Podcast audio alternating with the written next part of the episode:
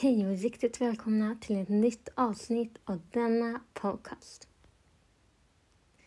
Idag tänkte jag prata om vad som händer i, den här världen. Alltså hur mycket som händer och det är inte lätt att vara kristen i den här världen. Det är inte lätt att stå för sin tro. Det är inte lätt att göra saker för man dras lätt med i olika situationer. Jag tror absolut att man kan kolla på filmer, man kan vara ute och träffa folk som inte är kristna. Man ska vara ute och göra det och vara på olika sätt, eller ställen. Men jag tror också att vi kan dras med. För att den onda försöker ju lura oss till saker och ting. Och ibland är det inte så lätt, för vi människor är uppbyggda så att vi tar till oss saker utan att vi egentligen är medvetna om det. Så tar vi till oss saker. Om vi ser en sak på film så påverkar vi det väldigt mycket. Och hur mer vi kollar, hur mer börjar vi nästan att försöka leva det livet omedvetet. är det så. Och jag tror att det är viktigt att vi håller där vi faktiskt tror på, vad Bibeln står för. Att vi kan absolut vara, vi ska vara ute, vi ska prata om Jesus, vi ska göra folk till lärjungar som det står. Men var på en bra nivå. Och jag är inte så mycket ute på grund av att jag inte mår så bra och kan inte liksom vara ute på stan eller jag kan inte göra saker för att jag har ingen ork och jag har väldigt ont i min kropp och sådär så jag tar mig inte så mycket. Men jag försöker vara på sociala medier och prata om Jesus. Och det är helt fantastiskt.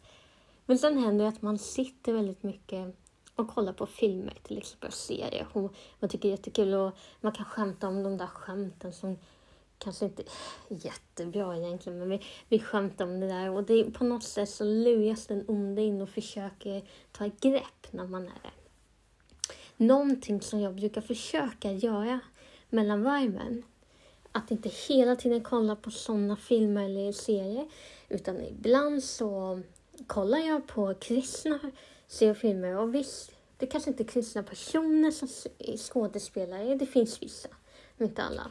Men de har ett budskap som är på riktigt, ett riktigt budskap i de här filmerna som jag gillar. Och det är jättebra att plugga in det, att liksom få bra saker i hjärnan för det blir mycket, mycket bättre. Och jag tror, som jag har sagt nog förut, att man kanske inte orkar alltid be eller läsa Bibeln, men att lyssna på en, en bibel, en eh, ljudbok eller att uh, jag kommer inte ihåg vad jag skulle säga, men lyssna på en ljudbok att ha det hela tiden i huvudet eller lyssna på lovsånger. Även om du inte orkar så gör det för den atmosfären är så bra. Och det är samma sak med när man kollar på saker som kanske inte är jättebra budskap.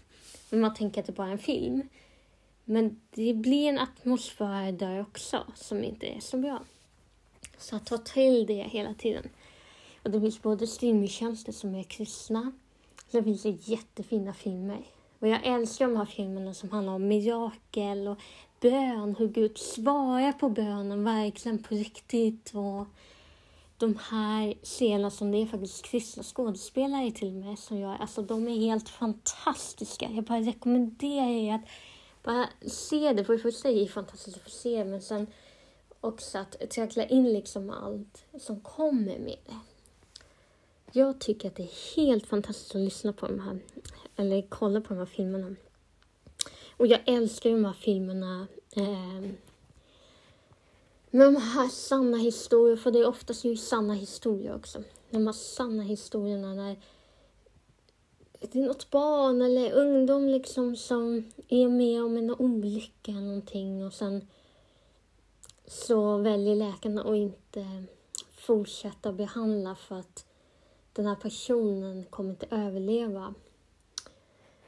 Och sen efter när hela församlingen har bett för den här personen så på något sätt överlever och får inga men för den här olyckan eller så utan överlever helt. Och det är så fantastiskt att se och jag vet ju att det är riktiga historier också och det är wow. Och för mig är det så stort också för att bli påmind vad Gud faktiskt har gjort i mitt liv och så. Och jag tror det är väldigt viktigt att leva i sånt också och inte bara i det här andra. Sen tror jag att det är jätteviktigt att vi går ut och pratar om Gud och vi kan göra det på olika sätt. Det behöver inte vara att vi står och predikar om det utan bara vara där, finnas där, vara ett ljus för folk eller predika eller be för folk.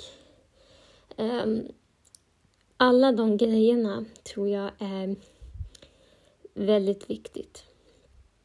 Men ha en samlingsgrej, jag tror det är väldigt viktigt att få in det. Men jag skulle ändå rekommendera er att ta till er med sådana här saker också. För den här världen är inte lätt att leva i som kristen. Och man blir ofta slugad till saker, även om man inte förstår det själv så blir man det och lätt halkar efter eh, till något annat ställe som inte är bra.